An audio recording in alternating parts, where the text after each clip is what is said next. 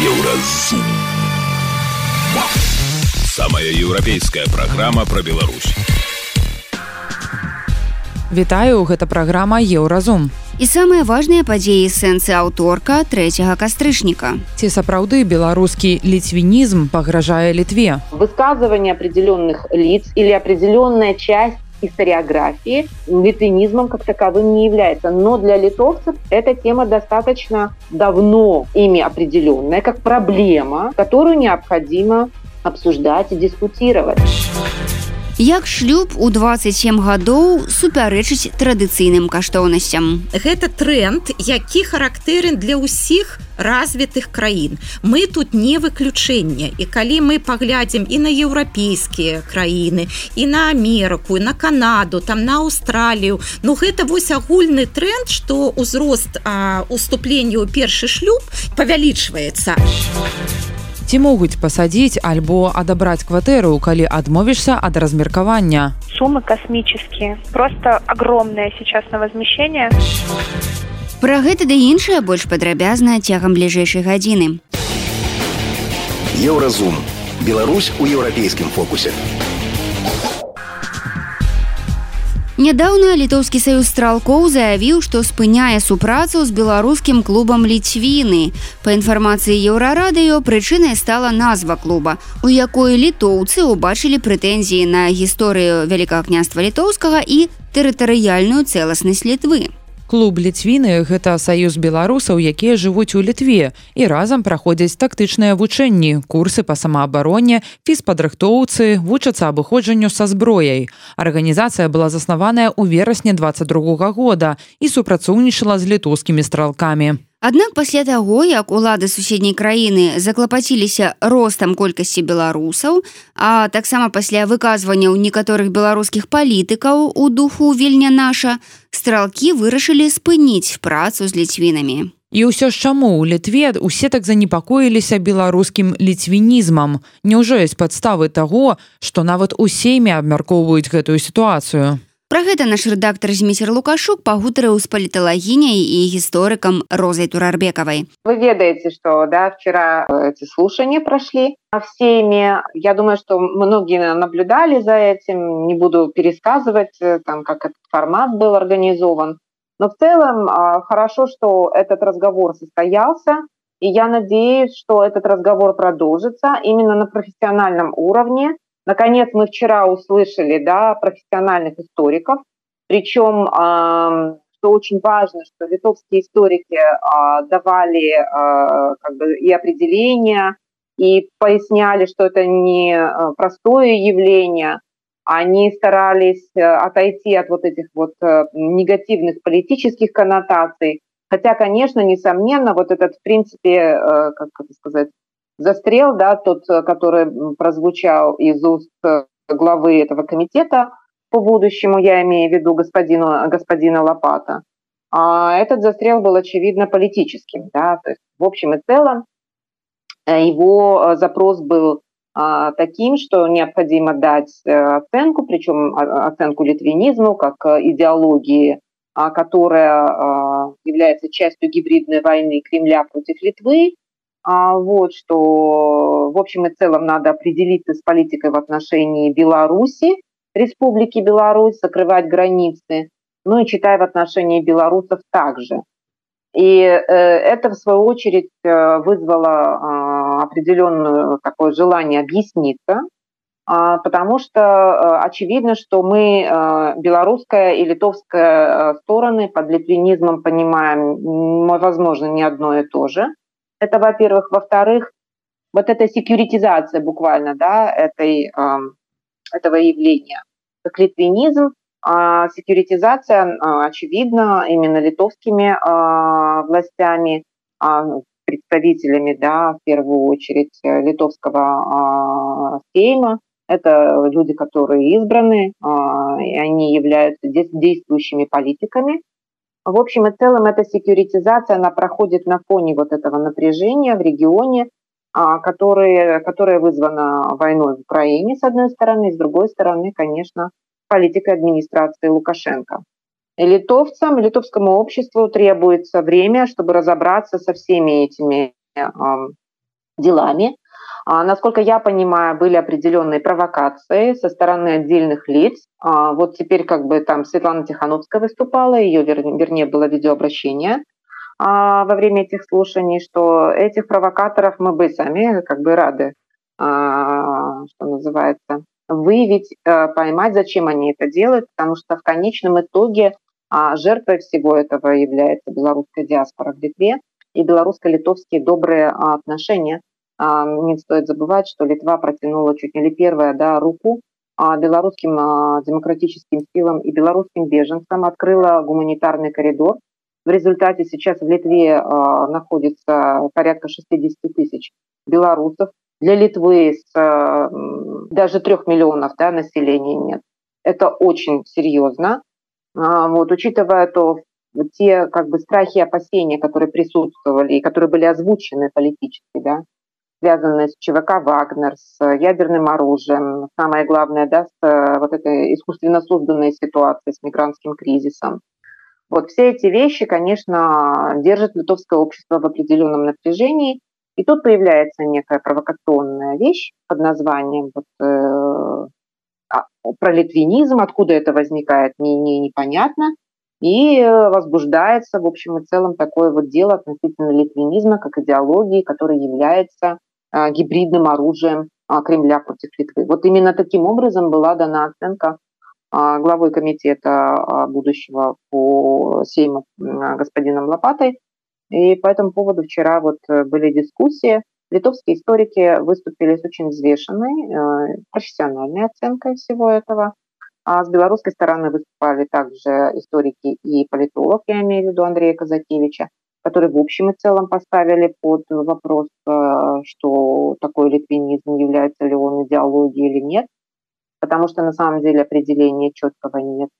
И более того, э, даже была дана оценка политическая, в том числе Павлом Терешковичем, который сказал, что а, он не видит созревшего организованного движения, которое бы действительно являлось серьезной угрозой для национальной безопасности Литвы. Но в целом, что это явление настораживает, вот эти провокации, то, что это возбуждено было буквально, вот абсолютно точно цель была обозначена – это белорусские э, демократические силы в Литве и белорусская диаспора, положение белорусов в Литве, ну и, собственно говоря, добрые э, белорусско-литовские отношения. Под белорусско-литовскими отношениями я подразумеваю не межгосударственные отношения, а отношения в первую очередь между народами. И вынуждена напомнить, мы когда с вами говорим о международных отношениях, мы в первую очередь должны иметь в виду именно отношения между народами. Поэтому они международные, они межгосударственные. Когда мы с вами говорим о межгосударственных отношениях, здесь может произойти некоторое различие. Да? В этой связи как бы вчера произошел хороший разговор, с моей точки зрения. Белорусы активно приняли в нем участие, в том числе да, в зале сидели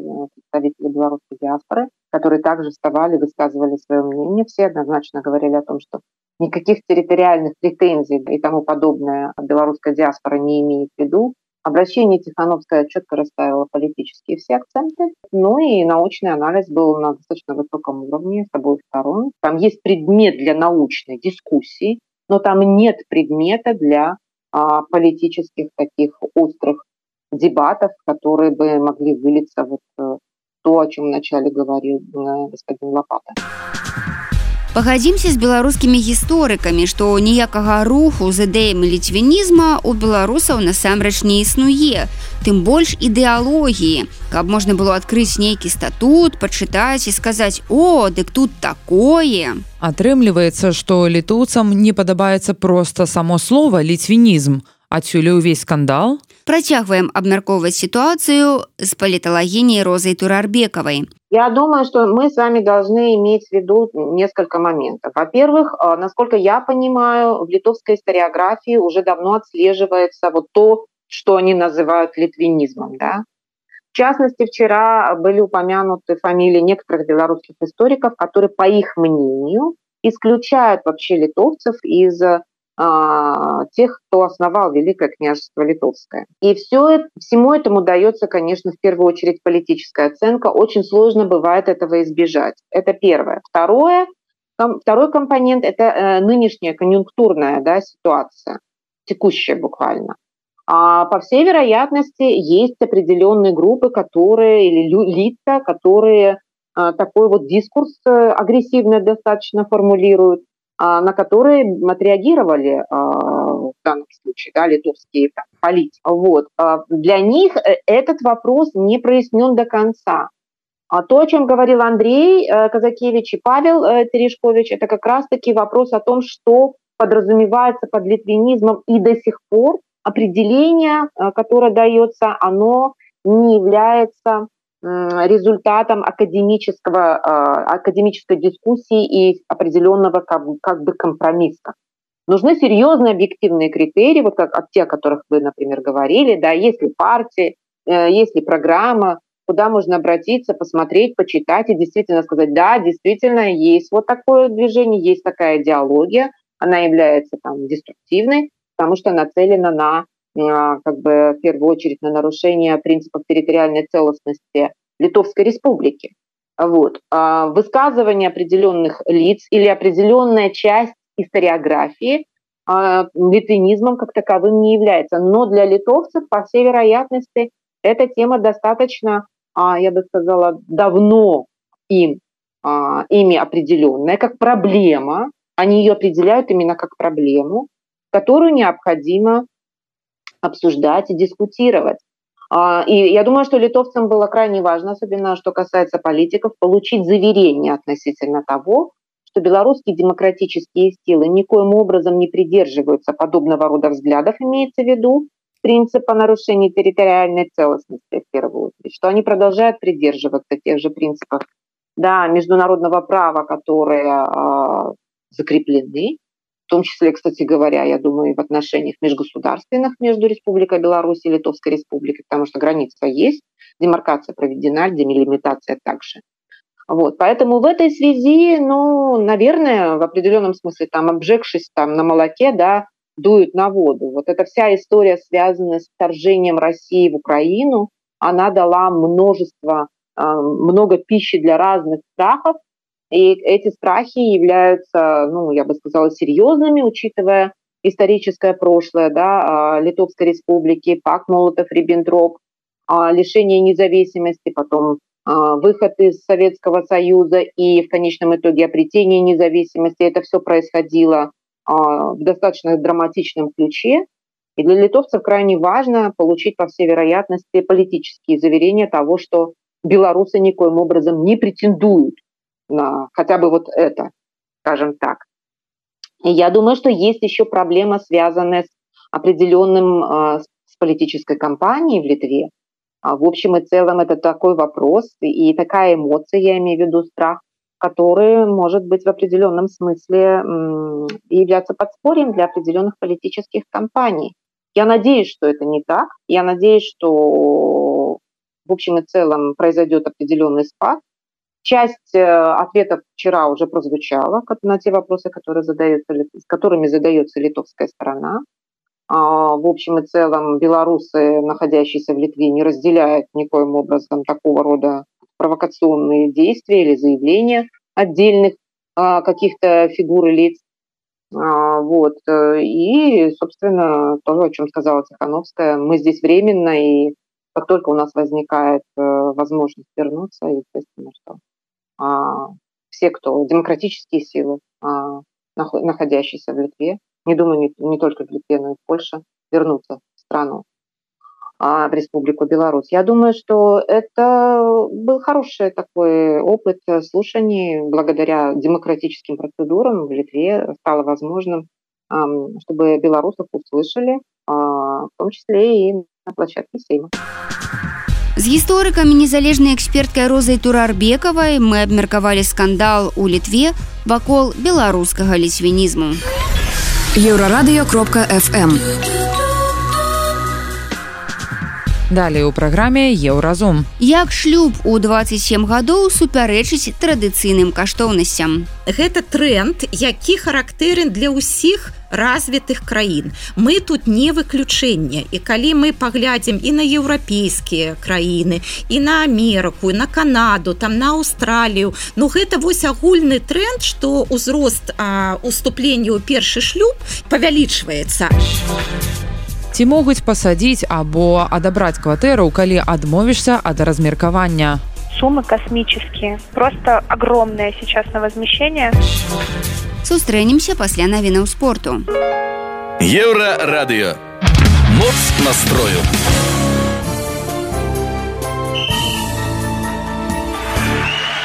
На еўрарадыё навіны спорту. Арына Сабаленко выйшла ў одну восьмую фіналу турніру ў пекіне у сваім другім паядынку яна абыграла брытанку Кэці Бултер 7576 іх гульня працягвалася дзве з паловай гадзіны наступнай саперніцы беларускі будзе італьянка жасмін па аліне хакеісты мінскага дынама ў чэмпіянаце кхл на сваёй пляцоўцы выйгралі ў барыса з казахстана 30 дынамаўцы дзеляць 8 9 месцы ў заходняй канферэнцыі сска менавіта каманду санкт-петербурга дынама прымае 4 кастрычніка Арызона адправіла беларускага хакеіста Владіслава Калячонка ў АХЛ. 22гадовы абаронца будзе выступаць за каманду Тусон Роудранерс. Кантракт Калячонка разлічаны да канца бягучага сезону. Беларускі хакеіст Ягор Раманаў знаходзіцца на волі, піша трыбуна. Напярэдадні стала вядома пра яго затрыманне паліцыі ў ЗША ў перапынку гульні. Раманаў выступае ў паўночна-амерыканскай хакейнай лізе. Затрымлівалі яго па ордары, выдадзеным два гады таму па падазрэнню нападзе пры абцяжваючых абставінах з выкарыстаннем транспартнага сродку. Брытанская падатковая патрабуе ад клубаў англійскай футбольнай прэм'ер-лігі амаль 125 мільёнаў фунтаў нявыплачаных падаткаў за папярэдні фінансавы год. Сума складаецца са страхавання ганарараў агентаў, прыбытку ад іміджавых правоў, падаткаў на неграшовыя выгады супрацоўнікаў, авіябілетаў і аплаты пражывання ў гасцініцах, паведамляе BBC. Гэта былі навіны спорту на еўрарадыё, заставайцеся з намі. Еўразум. Беларусь у еўрапейскім фокусе. На мінулым тыдні кіраўніца савета рэспублікі Наталля Качанова заявіла, што беларусы пачалі жаніцца ў 27 гадоў і яе гэта непакоіць, маўляў, занадта позна.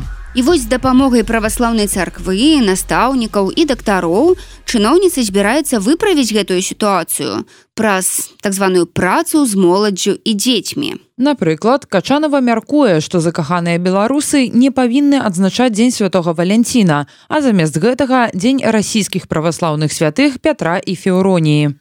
Умяшальніцтва другой асобы ў дзяржаве у сямейнае жыццё беларусаў Наш рэдактар Зміцер Лукашук абмяркоўвае з гендернай даследчыцай і прафесаркай Ірынай сідорскай. Пачнем, я думаю, мы з чарговага выказывання галоўнай пастаўшчыцы, я хотел сказать мемаў но відаць не мемаў а зашквараў для нашай праграмы Наталі качанавай безумоўна яна з'яўляецца як на мой погляд просто таким ретранслятарам тых уяўленняў пра розныя гендерныя пытанні якія існуюць у лукашэнкаўскай вертыкалі. Она вот такі глаз лукашыстаў на гендерныя ўсе пытанні. Как бы мы слухаем і просто ў шоку і не можем не адрэагаваць каб сказаць чым мы у адрозніваемся ад іх. І вось чарговае е выказыванне наконт ну занепакоілася таварыш качанова з нагоды того что сярэдні ўзрост тых хто уступае ў шлюб 27 гадоў.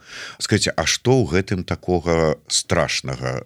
І ці ёсць тут нейкая ну гендерны аспект у гэтым яе звароце?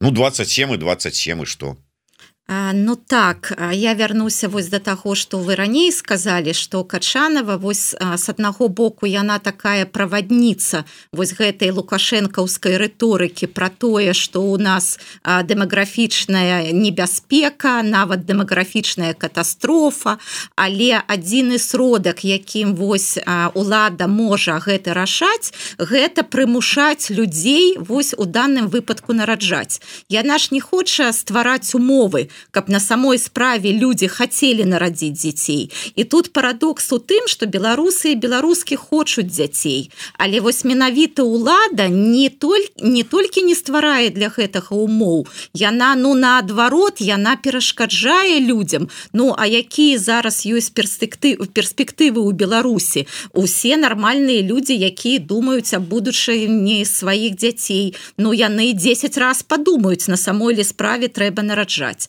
але качанова ну вось мне здаецца яна досыць шчырая у сваіх закліках бо яна чалавек ну пэўнай эпохі пэўны пэўнага светапогляду. І вось на маю думку яна ну можа сама не на 100соткаў але на нейкую там частку адсоткаў яна верыць у тое што яна гаворыць.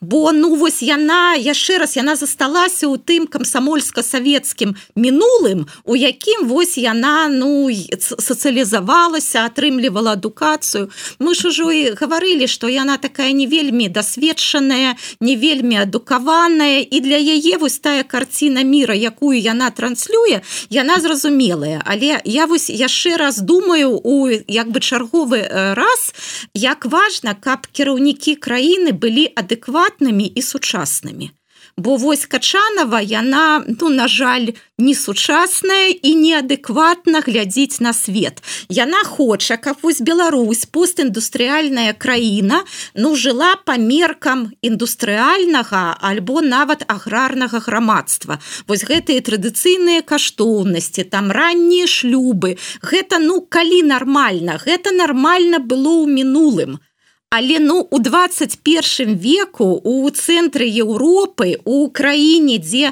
больш за 60соткаў у сфере у сферы паслуг ну гэта немагчыма. Гэта вось як ну я не ведаю як сказаць людзям узімку распранайцеся ідзіце загараць Ну вось гэта нонсенс я вярнуся до гэтага пытання просто тут одно дакладнее таким чынам атрымліваецца вот вы лічыце калі б вот умоўна вы нейкім там сустрэліся с качанавай на нейкім там мерапрыемстве уявім сабе такое сітуацыю і вы кажаце мадам качанова вот две ваши фразы. Галоўная задача беларускіх женщин нараджаць беларусікаў і другая что ужас ужас 27 гадоў уступаць у шлюб гэта ж жудасна позна і трэба з гэтым нешта рабіць гэта ж нейкі нонсенс і зашквар. Вы думаете что у адказ бы яна сказала А что тут такого Ну так я думаю что она бы здзівілася і на самой справе сказала бы что тут такога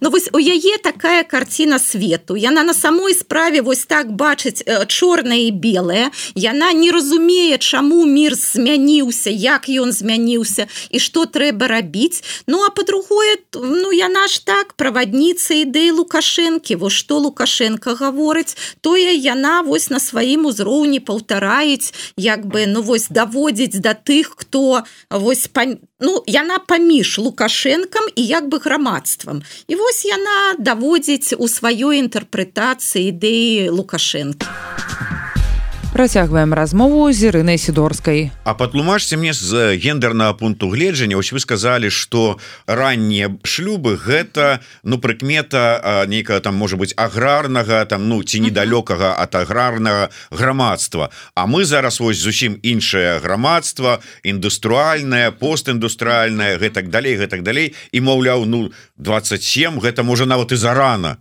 А чаму вы таксама вось пыталі про тут гендерны аспект у мужчын беларускіх Ну гэта ж на два гады пазней у жанчын 26 у мужчын 28 гэта ў сярэднім 27 так гэта ну зусім не позна. Гэта гэта тренд які характэрен для ўсіх у развітых краін. Мы тут не выключэнне. І калі мы паглядзім і на еўрапейскія краіны і на Амерыку на Канаду там на Аўстралію Ну гэта вось агульны тренд что ўзрост уступлення ў першы шлюб павялічваецца. Але гэта не значыць что ну людзі тады не народзяць дзяцей і не народзяць там пэўную колькасць дзяцей. Вот вось менавіта. Калі ж ну, уступіўшы ў шлюб у 27 гадоў калі ж на паспеет 5 дзяцей нарадзіць? Ну 5 дзяцей гэта канешне як бы ну, ну традыцыйныя каштоўнасці сямейныя Ну ну глядзіце 5 дзяцей было тад, было тады калі а, большая частка гэтых дзяцей памірала не дажываючы да совершенно годдзя А калі нараджаецца шмат дзяцей гэта значыць что шмат дзяцей паміраюць бо там дрэнная медыцына няма там доступы да гэтых медыцынскіх паслуг. Ну вось гэта ну так такі закон такі дэмаграфічны закон. Але глядзіце на самой справе трэба каб людзі нараджалі новых людзей. Але што можа зрабіць дзяржава? Дзяржава можа ствараць для гэтага умовы. А калі апытваюць беларусаў беларусак. Якраз яны гавораць што мы хочам мець дзяцей. І не аднаго а больш. Але калі вось гэтыя планы калі прыходзіць час ажыццяўляць гэтыя планы ну так людзі ж разумеюць а які ў іх умовы? Не эканамічныя не палітычныя тое што зараз робіцца ў краіне. Колькі мы з вами гаварым пра ядерную зброю пра вагнераўцаў пра міграцыйны крызіс. Ну гэта ж таксама вельмі для людзей важна. Любы любыя свядомыя людзі яны ну будуць думаць а ў які свет мы гэтых дзяцей прыводзім? Як мы будзем там іх выходить ахоўваць як мы будем а, іх карміць за, за кошт чаго.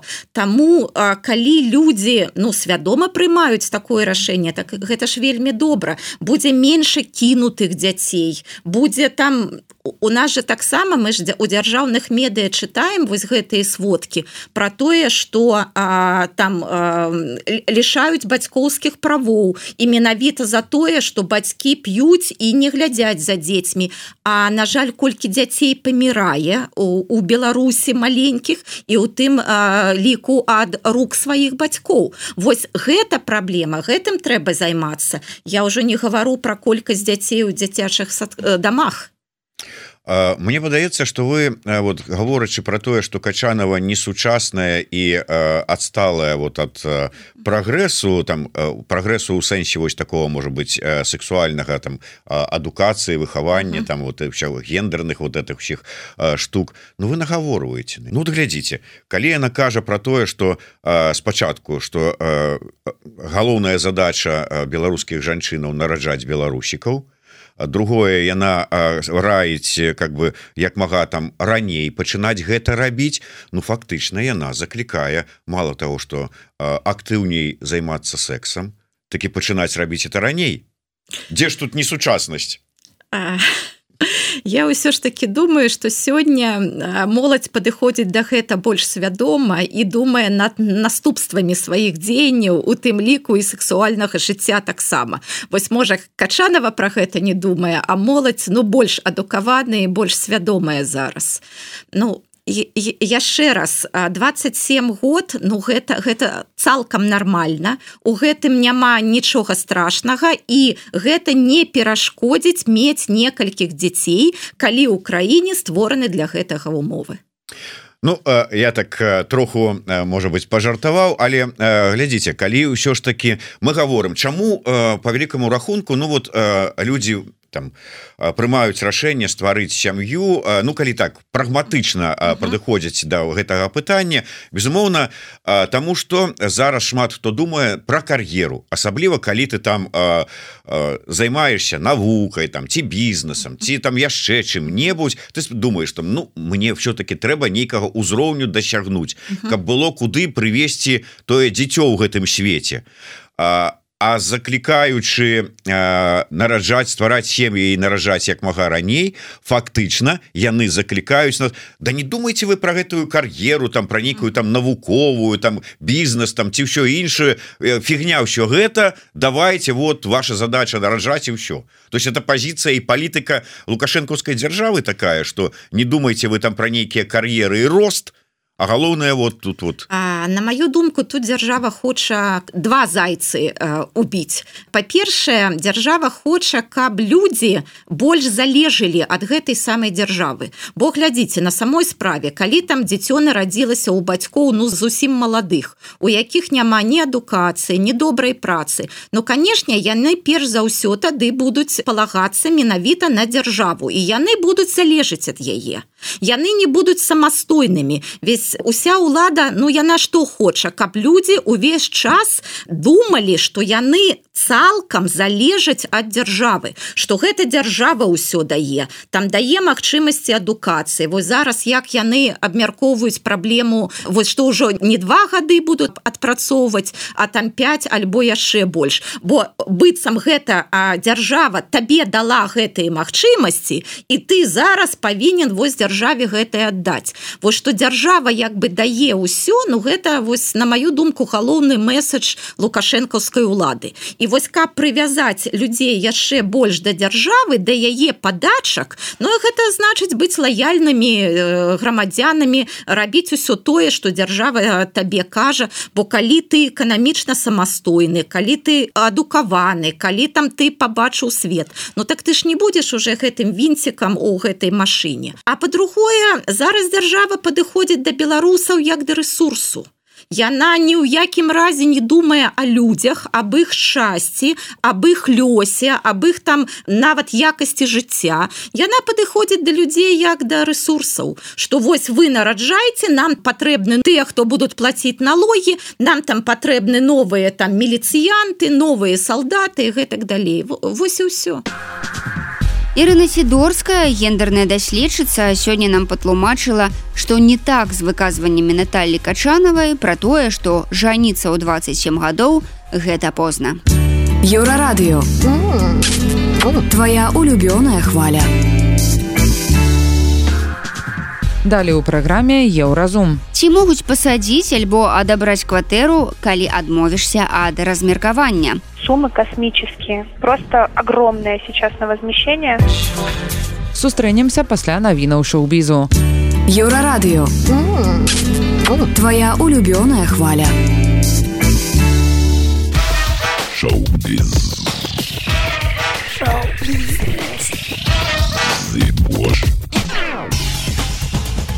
Вітаю, гэта навіны шоу-бізу студыя нікелодзеон працягнула культавы мультсерыял губка боб. Квадратныя штаны пра гэта пішуць журналісты выдання вырайце на працягу 20 гадоў губка боб быў не толькі самым цытаваным але і самым праглядаемым праектам у гісторыі парамаунт не дзіўна што стваральнікі серыяла вырашылі не спыняцца на дасягнутым і анансавалі працяг мультыплікацыі. Губка боб афіцыйна падоўжаны на 15 сезона гэта значыць што дарослых і дзяцей чакаюць новыя захапляльныя прыгоды герояў квадрат квадратных штанах, а таксама яго сяброў.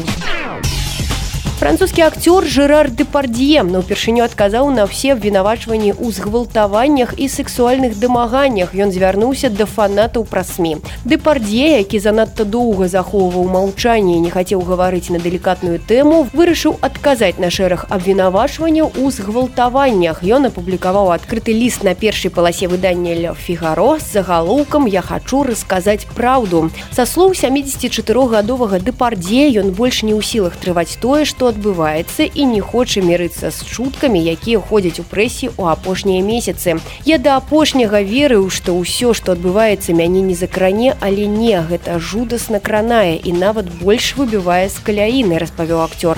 Таксама ён падкрэсліў што ніколі не крыўдзіў і не абражаў жанчын. а Жонка прынца гары Меган Маркл развіла актыўную палітычную дзейнасць. Яна хоча атрымаць пасаду сенатара ад Каліфорніі, а пасля здзейсніць запаведную мару дзяцінства і стаць прэзідэнтам. Як піша выданне Daily Mail, Маркл найгралася ў каралеўскія гульні і вырашыла пакарыць новыя вышыні. Герцагіня сур'ёзна разглядае магчымасць балатавацца ў сенат і заняць вакантную пасаду прадстаўніка Каліфорніі замест Дайн Файнстайн, якая пайшла жыцця ў верасні гэтага года. Гэта былі навіны шоу-бізу, заставайцеся на хвалях еўрарадыё.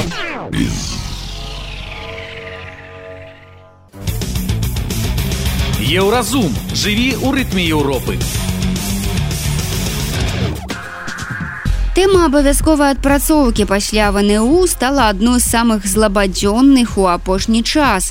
Гэта здарылася пасля таго, як Лукашенко заявіў пра планы размеркавання платнікаў і павелічэння тэрміну адпрацоўкі для бюджэтнікаў. Многія студэнты пасля пачутага задумаліся пра тое, каб забраць дакументы з універсітэтаў і з'ехаць з краіны. Выпускнікі школаў вырашаюць проста не атрымліваць вышэйшую адукацыю, каб не патрапіць потым на малааплатную працу ў вёску. Але ці магчыма ўсё ж скончыць універсітэт і не ехаць па размеркаванні? Цытата з верасня 22 года сумы на кампенсацыю касмічныя проста велізарныя гэта расказвае юрыстка бДУ да якой еўрарадыё звярнулася ад імя слухачкі святланы Малодшы сын жанчыны рыхтуецца да паступлення, а старэйшы бясплатна вучыцца на апошнім курсе і пасля заканчэння ВНУ хоча з'ехаць за мяжу. Спецыялістка падрабязна тлумачыць, якім штрафам пагражае адмова ад размеркавання без паважлівай прычыны, якімі могуць быць гэтыя прычыны і што чакае выпускніка, калі ў яго няма грошай на кампенсацыю. Падрабязнасці ў рэпартажы еўрарадыё. Калі выпускнік не з'яўляецца на месца размеркавання, арганізацыя паведамляе БДУ, што выпускнік не прыбыў.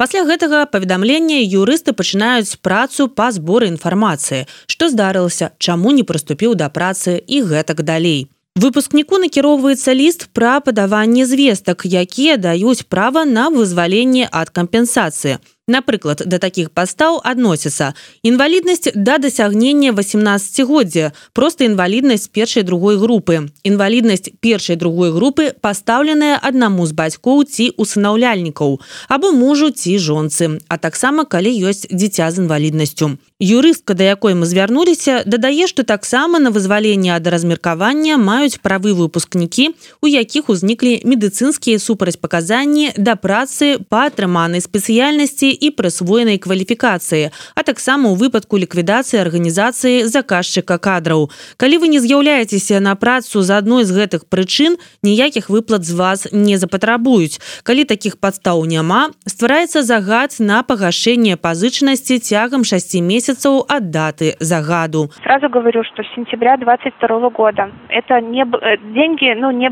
скажем так, это не мы придумываем, что такие суммы вот они взыскивают. Суммы космические. Просто огромная сейчас на возмещение. Угу. Последняя, э, самая большая сумма, которую я видела, это 67 тысяч рублей. Ці можна дамовіцца з працадаўцам не адпрацоўваць і не выплачваць кампенсацыю. Па словах юрысткі, працадаўцы і выпускнік мала пра што могуць дамовіцца паміж сабой, бо у працадаўцы невялікі пералік пастаў, па якіх ён можа выпускніка звольніць. У Беларусі ёсць такая гарантыя, дадзеная дзяржавай маладых спецыялістаў нельга звальняць па пагадненні бакоў. Таксама нельга проста прыйсці і сказаць: я звальняюся. А ці можна трохі папрацаваць па размеркаванні, а потым, напрыклад, сысці і нічога не плаціць. Выпускник э, понимает, что он не хочет работать по распределению вообще.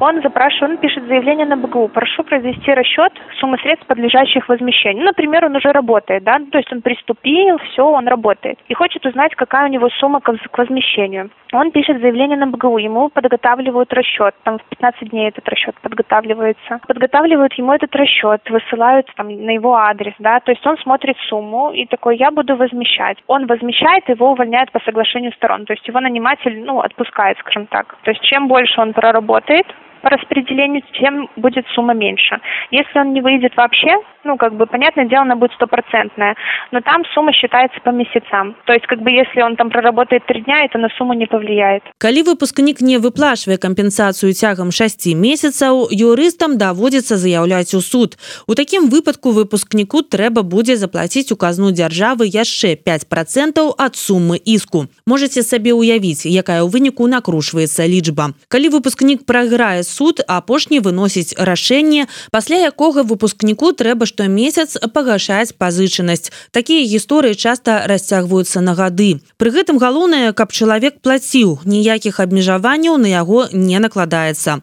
А што калі чалавек не паспеў сабраць поўную суму на выплату за 6 месяцаў? Паводле закона юрысты павінны заяўляць у суд адразу але выпадкі бываюць розныя. Калі чалавек выплаціў палову сумы у быду могуць трошачки трошки пачакаць і заняцца тымі хто не плаціць наогул дарэчы А што будзе калі не плаціць наогул когда человек не платит начинается ограничение выезда за пределы РБ то есть фактически если он будет находиться за территорией Республики Беларусь и въедет сюда то есть ехать он сможет но выехать не сможет его посадят или что или будут нет нет нет у него просто ну как бы его на границе развернут скажут у вас ограничения это не уголовное то есть это ну типа это гражданское дело но есть органы принудительного исполнения вот вы когда кредит например берете не выплачиваете.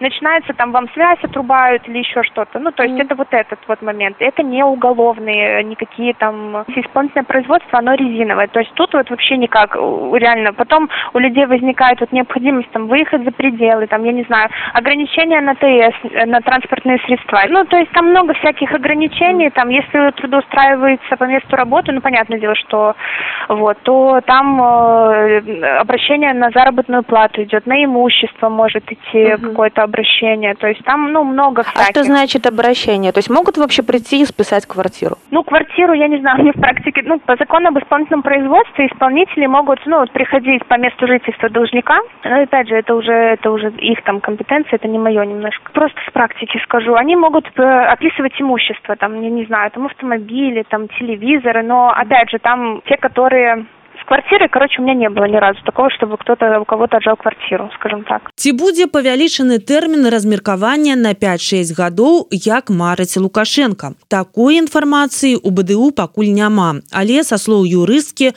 кодекс нядаўна мяняўся і звычайна змены ўносяцца з 1 верасня новага навучальнага года.